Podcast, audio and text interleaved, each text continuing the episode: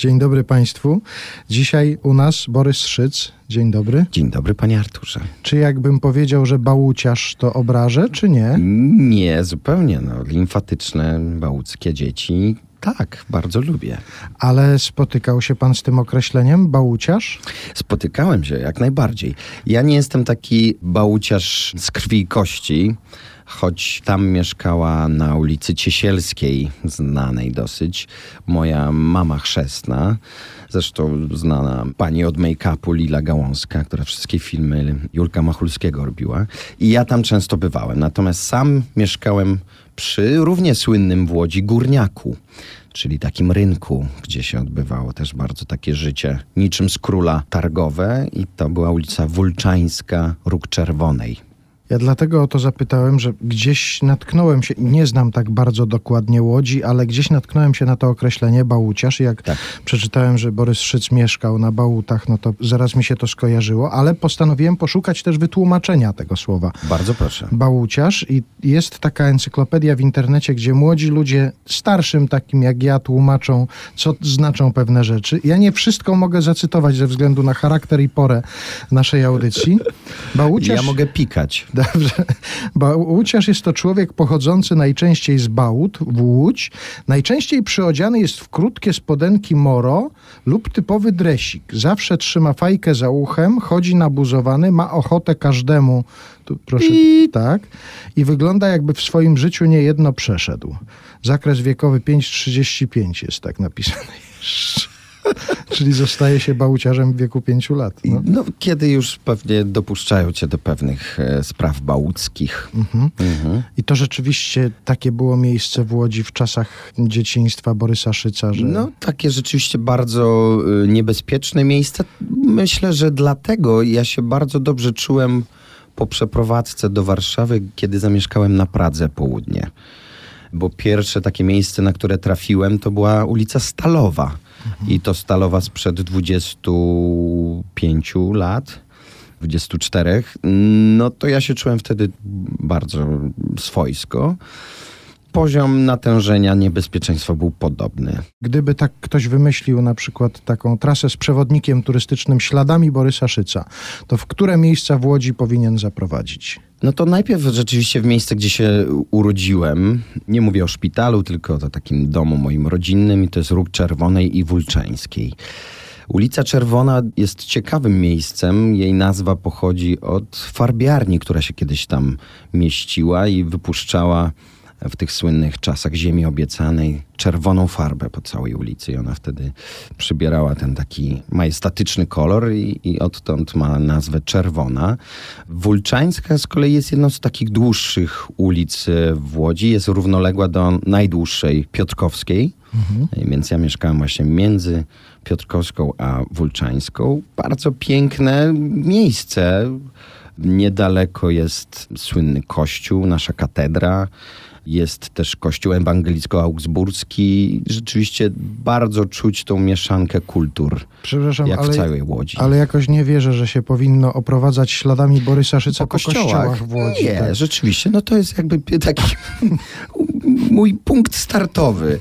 I stamtąd, proszę Państwa, jest blisko na Górniak. Górniak był takim miejscem, gdzie zmierzałem z moją mamą co weekend na zakupy i to było niezwykle barwne miejsce, gdzie było kilka takich punktów bardzo jasnych, to znaczy pan, który sprzedawał ziemniaki i był jakąś taką postacią bardzo charyzmatyczną, do którego ustawiały się kolejki, bo on tam krzyczał i robił taki stand-up mały z tej sprzedaży. Rzeźnicy, tam panie ze wsi, to wszystko było jakimś niesamowitym miejscem.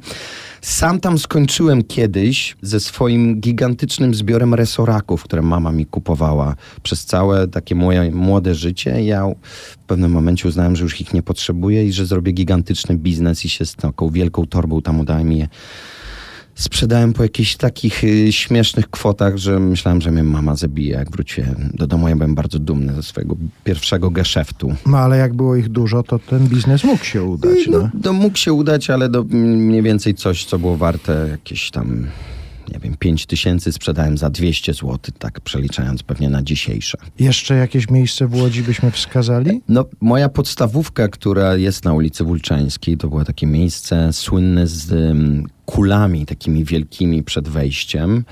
To była podstawówka imienia Józefa Chełmońskiego i ten wielki portret Chełmońskiego, taki podziurawiony długopisami, wisiał na, na korytarzu. Młodzież On naprawdę, szacunek No tak po prostu czasem myślę, że wyżywała się za swoje przeżycia lekcyjne na Chełmońskim.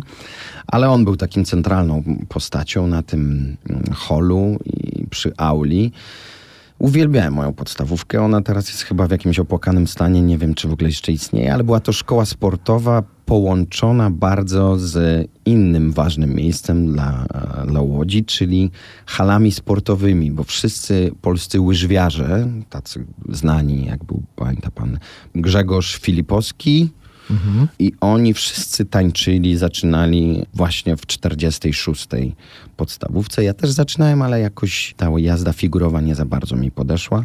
O, ale był taki epizod, tak? Był na samym począteczku. Natomiast y, druga połowa mojej szkoły trenowała tenisa w pobliskim przepięknym parku i tam jest klub MKT. To jest też znany taki klub, w którym trenował Jerzy Janowicz chociażby. I, I Borys. I ja sobie tam trenowałem, będąc młodą lekarką. No i byłem tym zawodnikiem, powiedzmy tam, nie wiem, do piątej klasy podstawówki, po czym już zacząłem być jeźdźcem. A zaraz, ale wróćmy na chwilę, bo to jest bardzo intrygujące. Borys Szyc, jazda figurowa na lodzie. Gdyby teraz... Bardzo. Ja wiem, no, ale gdyby tak teraz... Założyć mi łyżwy. Tak, to coś by się udało, jakąś figurę wykonać? Yy, nie, nie. Znaczy, myślę, że mógłbym rozgwiazdę na przykład mhm. na ziemi coś wykonać. To znaczy przejechałbym się, pewnie nie w łyżwach figurowych, tylko bardziej hokejowych. Mhm ale figurówki odstawiłem tak kategorycznie. To tak. jeżeli tyle miejsc, takie wspomnienia, taki czas w Łodzi. No Piotrkowska to jest y, taka, wie pan, panie Arturze, taka kopalnia miejsc, które były ważne w moim życiu. Na każdym jej fragmencie coś tam innego się działo. No to ale jeżeli ta Łódź tak i w takim stopniu i tak bardzo, to dlaczego nie filmówka, tylko Warszawska Akademia Teatralna? Czułem jakąś przemożną chęć e, wydostania się poza moje miasto i zrobienia czegoś, e, jak mi się wtedy wydawało, w wielkim świecie. No i ten wielki świat tak naprawdę mm, przez długi czas y, widziałem siebie tylko w Krakowie, dlatego że rodzice mm, studiowali w Akademii Sztuk Pięknych w Krakowie. Mama wpoiła mi tą miłość do Krakowa i do, do sztuki. Ona kończyła malarstwo, zaczynała na malarstwie i grafice, a skończyła w końcu architekturę wnętrz. No i to też były takie niesamowite czasy dla ASP były te wielkie nazwiska. Był jeszcze Tadeusz Kantor w Krzysztoforach i pamiętam tę e, legitymację do Krzysztoforów, którą mama miała jak relikwię w domu podpisaną przez Kantora. No i bardzo długo tam celowałem i zresztą zdawałem do tej szkoły.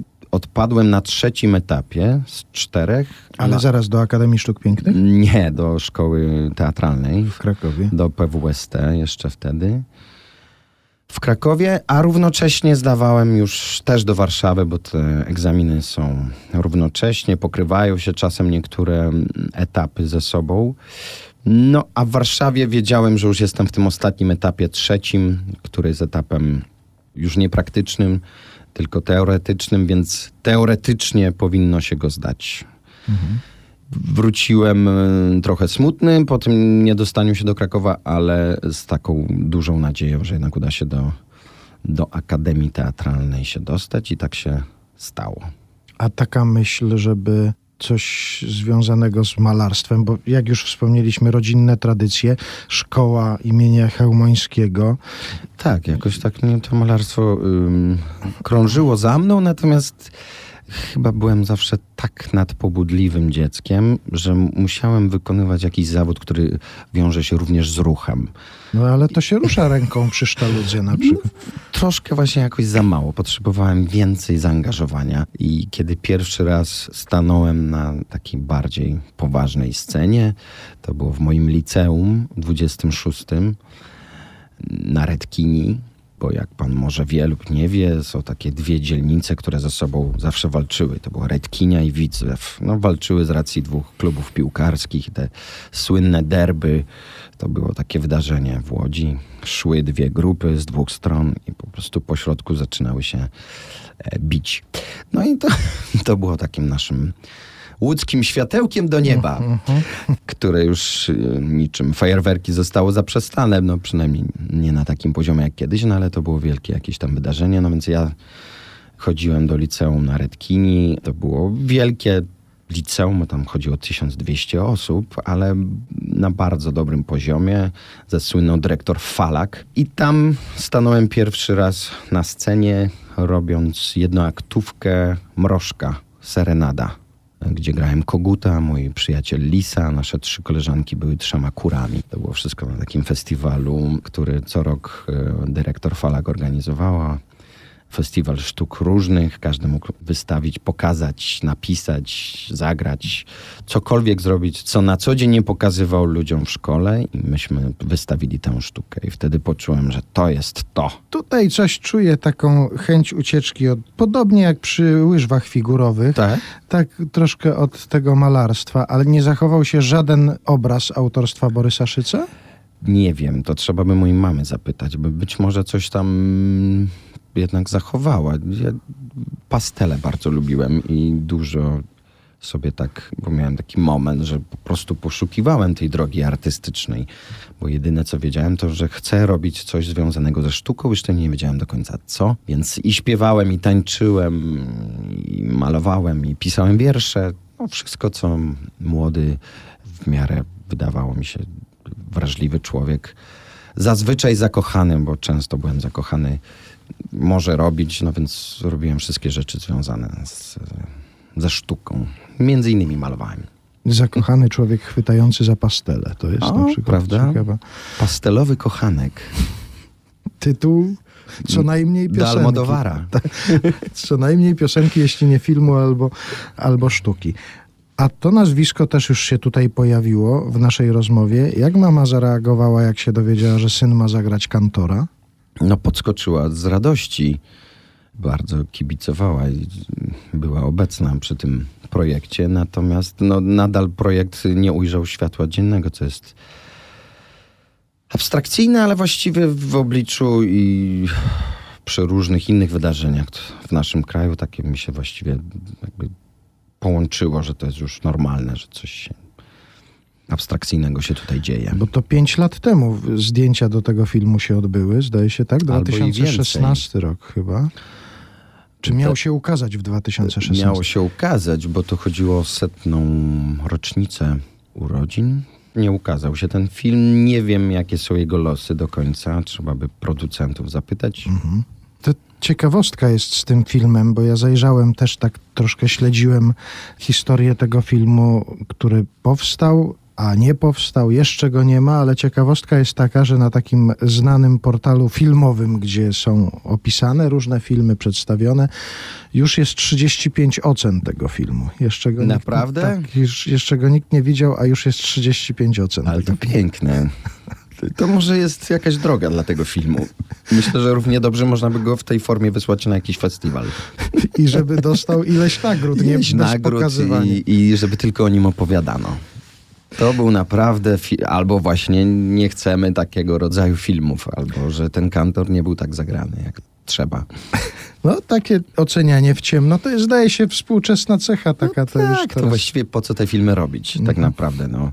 Podać S- tytuł pod ocenę tylko. Są dzieła sztuki w sztuce współczesnej, które są wyobrażeniem, prawda? Było parę takich wystaw, gdzie był opis tylko wystawiony i było powiedziane, że tu stoi coś tam. No i teraz trzeba sobie było to wyobrazić. No jedno z większych moich przeżyć takich podróżniczych to muzeum w pewnym miasteczku we Włoszech, do którego wszedłem i się okazało, że tam w tym starym takim antycznym, jak to większość włoskich miast, mieście, w tym muzeum są wystawione tylko ekrany telewizorów i na tych ekranach są pokazywane zabytki, które tu odnaleziono i odesłano do Rzymu.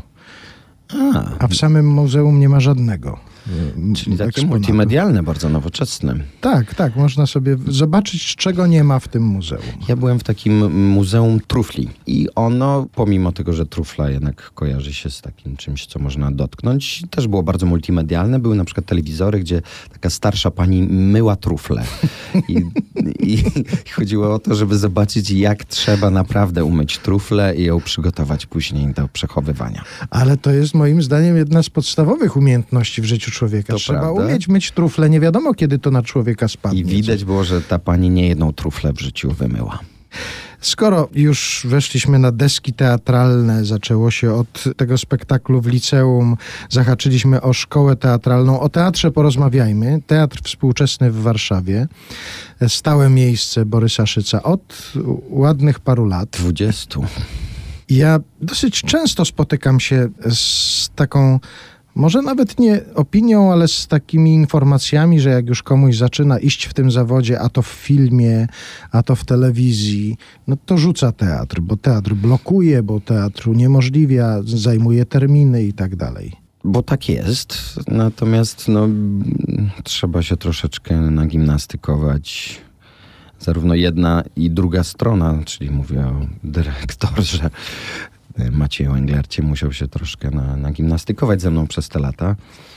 No i tak się przez te 20 lat gimnastykowaliśmy, ale wyszło nam z tego parę chyba dobrych spotkań i spektakli, bo zrobiliśmy no, wspólnie porucznika Ziniszmor. No, najpierw miałem taką mini rulkę w świetnym spektaklu w Niebowstąpienie. Później był porucznik Ziniszmor, był proces, był transfer, Hamlet. No troszeczkę tych spektakli rzeczywiście wspólnie zrobiliśmy. A zaczęło się od współpracy z Agnieszką Glińską. I z Agnieszką Lińską w ogóle zaczęło się tak troszeczkę wszystko się zaczęło właściwie od spotkania z Agnieszką Glińską, która przyszła do nas jako 30-letnia pani profesor do e, Akademii Teatralnej na nasz drugi rok i zaczęła z nami mieć zajęcia, pracę nad rolą. I wtedy otworzyła nam oczy, przynajmniej mi, na Czechowa. Zaczęło się od różnych scen z Czechowa. Mieliśmy taki miks, każdy grał tam przynajmniej dwie role różne i między innymi zagrałem tam kilka scen jako Płatonow i tak z tym Płatonowem później zostałem na dyplom i tak później z Agnieszką Glińską zostałem na swój debiut w teatrze właśnie współczesnym i to było Bambini di Praga, Hrabala. Cudowna, ciepła, niesamowita sztuka i książka też. Dostałem za to Feliksa, za debiut, więc dla mnie to było jakieś niesamowite wydarzenie. I po dziesięciu mniej więcej latach zrobiliśmy, wróciliśmy do Płatonowa, tym razem już na profesjonalnej scenie. Też zagraliśmy go prawie 300 razy. Ja zauważyłem tak a propos teatru współczesnego, między innymi taki wzruszający wpis poświęcony Krzysztofowi Kowalewskiemu. Mm. Bardzo mnie zaintrygowało to bieganie po teatrze. Tam jest, że ktoś uciekał przed Krzysztofem Kowalewskim po teatrze. O tak, to kilka osób. Krzysztof miał takie zabawy z kilkoma osobami i wymyślał przeróżne historie, gagi, przebrania, żeby kogoś tam dopaść. Na przykład przebrał się kiedyś za taksówkarza wiedział, że ten ktoś przyjdzie do tej taksówki e, i on czekał już w tej taksówce z kaszkietem Mhm. I w tym momencie się, kiedy wsiadł mm, do taksówki, on się po prostu powolutku odwrócił i już wywołał wrzaski, ucieczkę z tej taksówki. Później przebrał się w strój Zosi Saretok, e, stojąc w, w kulisach, wiedząc, że ta osoba przyjdzie za chwilę, bo będzie miała wejście na scenę. No i w tym momencie złapał ją delikatnie, prawda, za pośladek, no, nie ukrywajmy tego. I było słychać tylko Zosiu! I to było słychać no nie tylko na- na scenie, ale w całym teatrze. Także Krzysiu myślę, że był mistrzem w wymyślaniu. Minąłem się no niestety z Wiesławem Michnikowskim, bo on był podobno jeszcze Aktywniejszy w tworzeniu. Aktywniejszy, stosował jakieś całe konstrukcje, które na żyłkach na przykład coś podczepiał i czekał, aż ktoś usiądzie w garderobie, żeby móc tym poruszyć i przestraszyć kogoś. Także no tam rzeczywiście życie w kulisach i w garderobach kwitło. To wyobrażenie Krzysztofa Kowalewskiego biegającego za kimś po teatrze, goniącego kogoś w teatrze, tak. jakoś też pomyślałem, że mogłoby otworzyć rozmowę na temat tężyzny fizycznej aktorek i aktorów, bo z kolei trafiłem też na taki wpis poświęcony Mai Komorowskiej i wspomnieniu z czasów szkoły teatralnej. Spotkanie z profesor Mają Komorowską to było też takie mm, zmieniające życie i podejście do zawodu. Myśmy zaczęli z nią mieć zajęcia chyba dopiero na trzecim roku i to też była praca nad rolą i zaczęliśmy z grubej rury, to znaczy od Szekspira. Poskromienie złośnicy i ta słynna scena Kasiu, Kasieńko, Kasiuniu. I ona nas rzeczywiście tam przećwiczyła w lewo, w prawo wychodząc do wszystkiego, do słowa od ciała. To wszystko musiało być od ruchu. Myśmy tego za bardzo wtedy jeszcze nie rozumieli, przynajmniej ja. I dopiero chyba robiąc po latach Hamleta, to wszystko do mnie wróciło i zrozumiałem, co chciała mi przekazać, że ten wiersz, ten cały rytm, w którym się odbywa Szekspir, musi drgać w twoim ciele, nie, nie może tylko wychodzić ci z ust.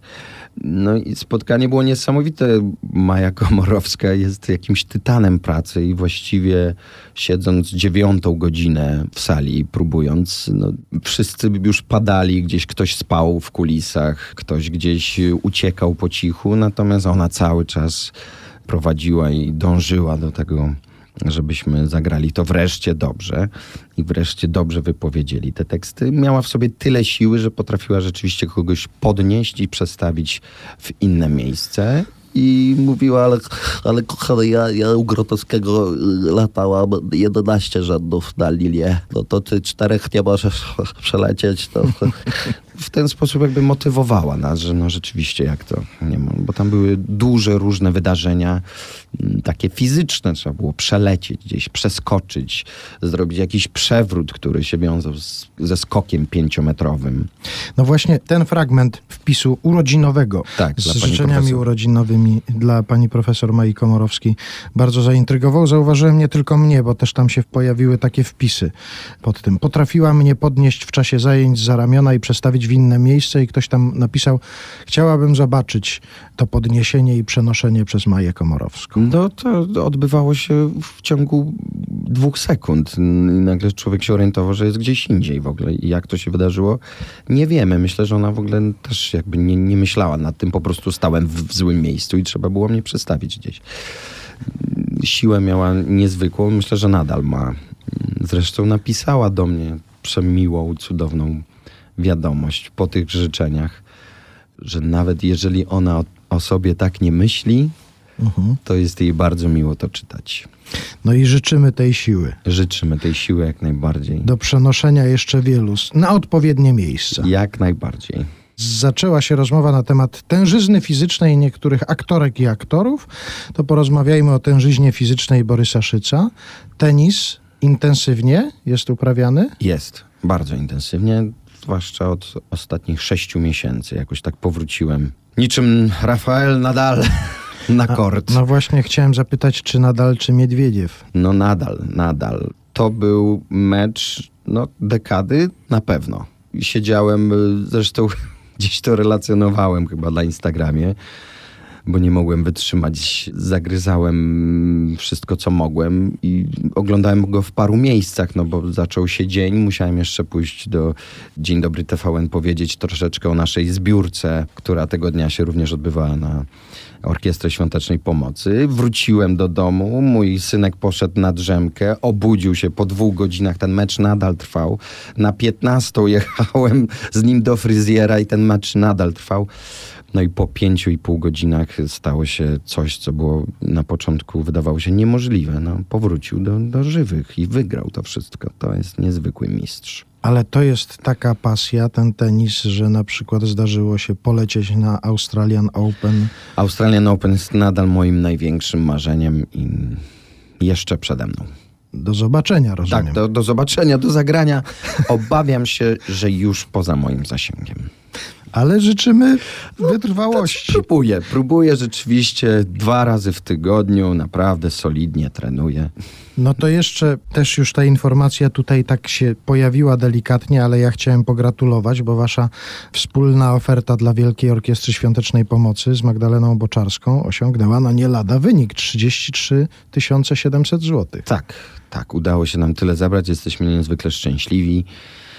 Bo to ma być spektakl i potem To część ma być wieczorna, w ogóle taki spektakl, na który przywitamy tych ludzi, którzy wylicytowali tę nagrodę. W drzwiach Teatru Polonia zaprosimy ich na miejsca dyrektorskie Krystyny Jandy. Pokażemy troszeczkę kulis w tym teatrze, pokażemy gdzie się przygotowujemy do roli, jak to wygląda. Zagramy cały spektakl i później udamy się jeszcze do restauracji Flaming i tam sobie zjemy wspólnie kolację, rozmawiając o tym, co zobaczyli. Mam nadzieję, że im się spodoba, no bo inaczej tak będzie troszkę niemiło. prawda? Niezręczna Niezręczna sytuacja. sytuacja, no ale przynajmniej dobre jedzenie, więc... Magdalena Boczarska zapowiadając te atrakcje różne, za które ktoś zapłacił na rzecz Wielkiej Orkiestry Świątecznej Pomocy ponad 33 tysiące złotych, obiecała też, że Borys Szyc będzie opowiadał dowcipy. No właśnie nie wiem, czemu ona z tymi tak dowcipami wyskoczyła, no ale mm, rozumiem, że chciała zachęcić. No może coś tam wyskrobie, ale wszystkie moje dowcipy mm, nie nadają się chyba na antenę. Żadnego nie ma naprawdę takiego, który by można było w niedzielę tak o tej porze opowiedzieć ludziom, tak żeby dać przedsmak tego, co będzie czekało kogoś, kto za 33 tysiące wylicytował. Tak mnie bardzo tak zaintrygowało. No nie wiem, no, ostatnio jakoś w żydowskich dowcipach w humorze A siedziałem. szmoncesowe fantastycznie. Tak. I, no dobrze, no to y, stoi właśnie taki Żyd przy ścianie płaczu i wsadza te kartki mm, do, do środka i się modli. Taki Amerykanin chodzi sobie z boku i robi zdjęcia, troszkę tak się wstydzi, nie wie czy przeszkodzić. Mówi, przepraszam, bo pan taka kartka tutaj wsadza w ta ściana, a co to znaczy? On, No się modlę, żeby ja wygrał w totka, żeby córka za mąż wyszła dobrze, żeby ja nie chorował. On, a to działa? Przepraszam bardzo. Ha, jak do ściany. Jeden z reżyserów, mówiąc o tym, dlaczego zaangażował do, do filmu Borysa Szyca, zwrócił uwagę na takie trzy cechy. Szaleństwo, ryzyko i wiarygodność. O, a któż to? Jan Chryniak. A, okej. I zastanawiam się, czy zmieniają się jakoś proporcje tego szaleństwa, ryzyka, wiarygodności z wiekiem. Nie wiem, czy u każdego aktora, no ale może na przykładzie Borysa Szyca zastanówmy się. Czy tego szaleństwa zawodowego ciągle jest tyle, ile było na przykład kilkanaście lat temu? Czy jest go więcej, czy jest go mniej? Ryzyko zawodowe na przykład. Ha, w ogóle takiego szaleństwa jest troszeczkę mniej w moim życiu, ale no, zależy, co postrzegamy jako szaleństwo. No, moje życie było dosyć szalone, młode i, i później dojrzałe też przez dłuższy moment. No jak to u Bałuciarza. Jak no. to u Bałuciarza i było że naprawdę szalone. I to szaleństwo nie polegało tylko na dużej ilości różnych zabaw i używek, ale też nad ilością wykonywanych zadań. Bo bywało tak, że kręciłem film i jechałem na plan na piątą, szóstą rano. Symetria. Czyli jechałem do aresztu śledczego i tam kręciłem sobie do godziny dziewiątej. Zawożono mnie na próbę do teatru. Robiłem tę próbę do czternastej. Wracałem na plan. Grałem tam do 18 i znowu wracałem do teatru i grałem spektakl. Bywało czasem, że po spektaklu miałem na przykład nocne jeszcze zdjęcia. Bywało tak, że kręciłem coś, miałem podstawiony prywatny samolot, nie taki jak mają prywatne gwiazdy w Stanach, uwierzcie. I byłem przewożony tą cesną malutką gdzieś, żeby zagrać właśnie spektakl i znowu wracałem później na plany. Tak się działo parokrotnie. No i to jest chyba możliwe w ogóle do wykonania tylko jak się jest młodym człowiekiem. Teraz mi się wydaje, że prostu aż się zgrzałem, jak, jak o tym pomyślałem i się zrobiły mi zimne dłonie. To właściwie dwie z tych cech równocześnie, szaleństwo i ryzyko. Szaleństwo, ryzyko towarzyszyło mi zawsze. No właściwie jednak jest to jakaś moja definicja uprawiania tego zawodu. I szaleństwo i ryzyko trzeba tutaj podejmować. To znaczy bez ryzyka nie da rady. No, pewnie mógłbym się zastanowić, czy niektóre rzeczy były potrzebne. Na pewno nie. No ale to ryzyko podejmowałem. Po prostu byłem też przekonany, że ja chcę wszystkiego spróbować w życiu że byłem niezwykle głodny życia i różnych wydarzeń i wydawało mi się, że wszystko mi się kiedyś przyda do tego mojego zawodu i będę mógł z tego czerpać niezwykle. Teraz tak po latach wydaje mi się, że niekoniecznie trzeba wszystkiego spróbować. I to- można sobie wyobrazić. O. I to brzmi wiarygodnie, że jeszcze zacytuję tę trzecią cechę, którą wtedy wymienił ten reżyser. Mhm. Tak, no wiarygodność jest dosyć również ważna w tym zawodzie, no bo pomimo różnych y, form, jakie przyjmuje aktorstwo, no musimy przede wszystkim uwierzyć aktorowi, że historia, którą opowiada jest prawdziwa, jest jakoś gdzieś nas dotyka i coś tam odnajdujemy we własnym życiu, co nas w tej roli porusza. Ja mam też taki zwyczaj, przygotowując się do rozmów z gośćmi niedomówień, zaglądać, po prostu wpisywać oczywiście w wyszukiwarkę internetową i zwracać uwagę na to, co pierwszego się pojawi.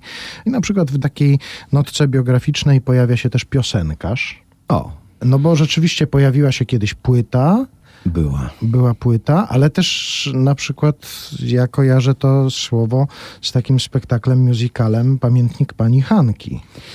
A, też robiliśmy z moim imiennikiem, Borysem. Tak, no śpiewanie było dla mnie zawsze ważne, to znaczy, jak to ładnie powiedzieć, myślę, że bardziej chciałem śpiewać niż pozwalały mi na to warunki, przynajmniej w moim mniemaniu. No, ale jednak ten chcizm był na tyle duży, że że tak mnie ciągnęło do tej muzyki i do tego mikrofonu, że parę razy poczyniłem różne takie próby. Niektóre myślę bardziej, niektóre mniej udane. Nagrałem płytę, którą produkował Grzech Piotrowski No tam był duet z Ewą Bem na przykład. i z pojawił. tego jestem na przykład dumny ze z takiego spotkania. W ogóle wtedy chwyciłem się za takie utwory, które gdzieś mi w duszy grały, więc wszelkie okolice funku. Też głównie chodziło mi o to, żeby później móc z big bandem, no bo do grania takiej muzyki potrzebny jest taki big band. I rzeczywiście było nas w dobrych momentach nawet 16 osób na scenie. I z tym big bandem mieliśmy kilka, kilkanaście naprawdę super koncertów. Co jakiś czas z grzechem się widujemy i gramy. Czasem coś próbujemy, ale też mamy jakiś występ, więc czasem ktoś o tym sobie przypomni, że ja śpiewam i że mam taki big band i możemy sobie taki występ zrobić. Ale zaraz gramy, bo to znowu pójdę tropem łyżew figurowych, e, Tak. e, obrazów namalowanych. To też na jakimś instrumencie zdarzyło się Yy, No pograć? gramy w tym sensie jako zespół, czyli oni grają, a ja śpiewam. Ale nie, żaden instrument? Nic? Ja sobie tam brzdąkam powiedzmy na fortepianie, bo miałem go od dziecka w domu, no ale nie nazwałbym tego graniem. No, czyli jakiś ślad jest. Ślad jest, ślad jest, fortepian jest. Fortepian też ma swoją piękną historię, bo moja mama była modelką dziecięcą w modzie polskiej. Mhm. I mając te 5, 6, 7 lat, chodząc na tych wybiegach jako dziecko, zarobiła sobie na fortepian, czarny fortepian Beckera i za te swoje pieniądze go kupiła. Ten fortepian stał zawsze w naszym mieszkaniu w Łodzi i ja się... Ona się z nim wychowała, później ja się z nim wychowałem, siedziałem pod tym fortepianem, bawiłem się, grałem na nim i teraz on stoi w moim domu na Saskiej Kępie. Ale jakie to jest pojęcie? Bałuciarz z domu z fortepianem. No. Na wielu kontrach, że tak powiem, i przeciwieństwach zostałem ukształtowany.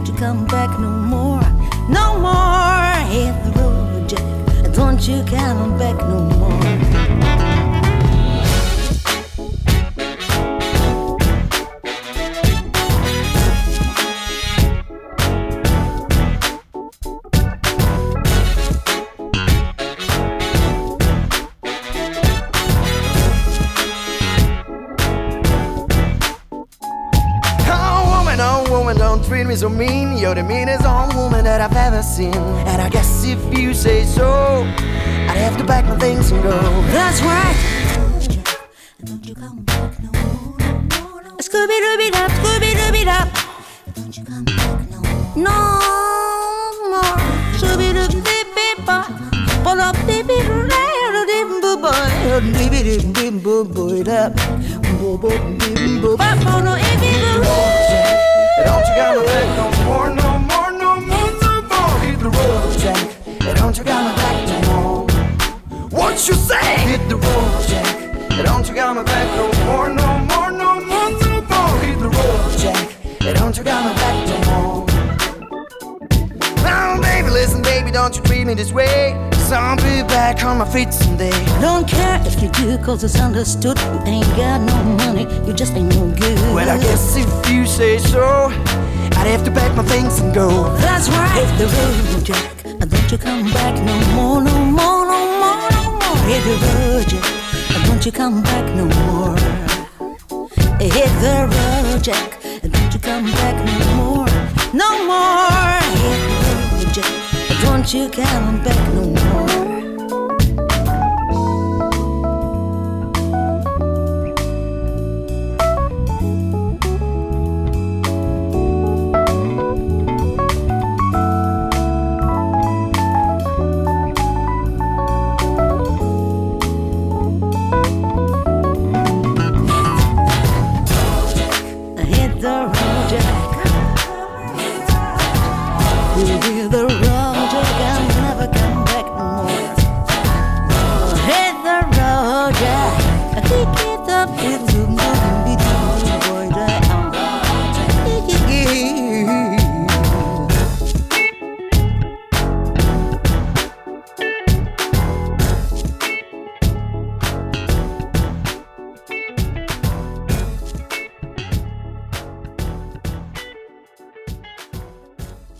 Jeszcze wracając do tego, czego się dowie ktoś wpisując hasło Borys Szyc w taką najpopularniejszą encyklopedię internetową. Tam jest wymieniony wykaz ról. Czasami się zastanawiam nad tym, czy ktoś, kto tworzy takie coś, na przykład bohater takiej notki, specjalnie nie wrzuca tam jakiejś informacji, a żeby się na tym wyłożył jakiś dziennikarz potem przy wywiadzie, albo żeby jakieś zamieszanie Tak? bo tam jest pierwszy film wymieniony, pierwsza rola w wieku 9 lat. No trudno to nazwać rolą. Ale to prawda? Tak przebiegłem się jako krasnoludek sobie tam gdzieś w King Size. Ale w tym słynnym King No, w tym Size. słynnym. I tu jest właśnie ta koda teraz, czyli ciocia z Bałut, czyli Mhm. Lila Gałązka, która właśnie robiła jako make-up wszystkie filmy Julka, te pierwsze. I między innymi King Size słynny, który był kręcony w Łodzi, jak większość filmów wtedy, no bo to była ta Hollywood słynna i słynna wytwórnia filmów na Łąkowej. I tam była też ta wielka, wielka hala, gdzie kręcono właśnie tę słynną scenę, gdzie widać cały ten king size y, jeden do jeden. I ja wtedy właśnie się znalazłem na tym planie. Przyszedłem po prostu w odwiedziny z mamą do cioci. Tak naprawdę przyszedłem, żeby jej podebrać mm, taką sztuczną krew, która była w kapsułkach, bo chciałem im to ukraść i mieć, żeby z chłopakami udawać na, na tej przerwie przy Chełmońskim, że się bijemy, jeden dostaje w twarz i ja wypluwam tą krew. Takie chcieliśmy, Jak tu chodzisz mówiąc... bez krwi po bałutach. No, no nie da rady, a zwłaszcza po, po szkole, prawda? Więc y, mówiąc y, współczesnym językiem, tak zwany prank chcieliśmy zrobić naszym nauczycielom i co zresztą później zrobiliśmy i prawie nas wyrzucono z tej szkoły. No więc przyszedłem ukraść tę krew y, w kapsułkach, no a trafiłem em, na plan z przyczepionymi uszami z krzata i w stroju Krasnala i tam sobie gdzieś biegałem w czasie kupowania sceny Mucha na dziko. I Jacek Chmielnik chodził tam po takim niemal górniaku krasnoludzkim i chciał kupić muchę na dziko. I można tam znaleźć malutkiego Borysa Szyca, Ja który gdzieś leci. tam biegam, no tam było tych krasnali mnóstwo i dla mnie to też było jakieś no, prawie traumatyczne przeżycie. No bo ja uwierzyłem, że on, to są w ogóle krasnale. No i byłem w szoku, kiedy nagle po prostu gdzieś wyszedłem poza tą halę i krasnoludek nagle oderwał sobie brodę i zapalił papierosa. No i to naprawdę mnie troszkę podłamało. No to właściwie możemy zakończyć takim wezwaniem do konkursu, żeby Państwo oglądając King Size spróbowali tam odnaleźć tego krasnoludka. Szukajcie, szukajcie krasnoludków w swoim życiu. Teraz sobie pomyślałem, że być może uda się go zidentyfikować po tym, że biega ze sztuczną krwią na przykład po planie. W dłoni. Tak jest. Bardzo dziękuję. Borys Szyc był naszym Dziękuję gościem. Państwu, życzę przemiłej niedzieli. A my na zakończenie jeszcze do wspomnianego musicalu Jerzego Wasowskiego i Antoniego Marianowicza, czyli Pamiętnik Pani Hanki, wrócimy i coś z tego musicalu zaprezentujemy. Bardzo mi miło. Pozdrawiam Borysa Lankosza. Jak być szczęśliwym, choć żonatym? Pytanie słychać z wszystkich stron. Ja się na szczęście nie znam na tym, bo nie miewałem własnych żon. I na cóż własne, gdy pod ręką mam cudze z perspektywą zmian. Czy nie myślałem o orzenku? Myślałem, stąd mój wolny stan. Wychodzić za mąż, proszę pań, nie lenić się, nie lenić. Lecz co do pana, nie ma dlań powodu, by się żenić. Ach, proszę pań, nie widzę dlań powodu, by się żenić. Kochałem w życiu raz to bywa, lecz się ożenić, ależ gdzież? Więc za mąż wyszła, jest szczęśliwa i to mnie cieszy, bo ja też. Obawić się chce tylko dziwak, bez wyobraźni, ale ja w małżeństwie czułbym się jak pływak, co w wannie bić rekordy ma. Wychodzić za mąż, proszę pań, nie lenić się, nie lenić, lecz co do pana nie ma dlań powodu, by się żenić. Ach, proszę pań, nie widzę dlań powodu, by się żenić. Podkreślam, nie zdam mi się na nic Mężatka, co się z mężem żre Uwielbiać musi go bez granic żeby u mnie wchodzić w grę. Bo gdy jej grozi katastrofa To wciąż się śpieszy w to mi graj. Wystarczy whisky jej encofa I gna do męża, co za raj. Wychodzi za mąż, proszę pań, nie lenić się, nie lenić, lecz co do pana nie ma dlań. Powodu, by się żenić. Ach, proszę pań, nie widzę dlań. Powodu, by się żenić.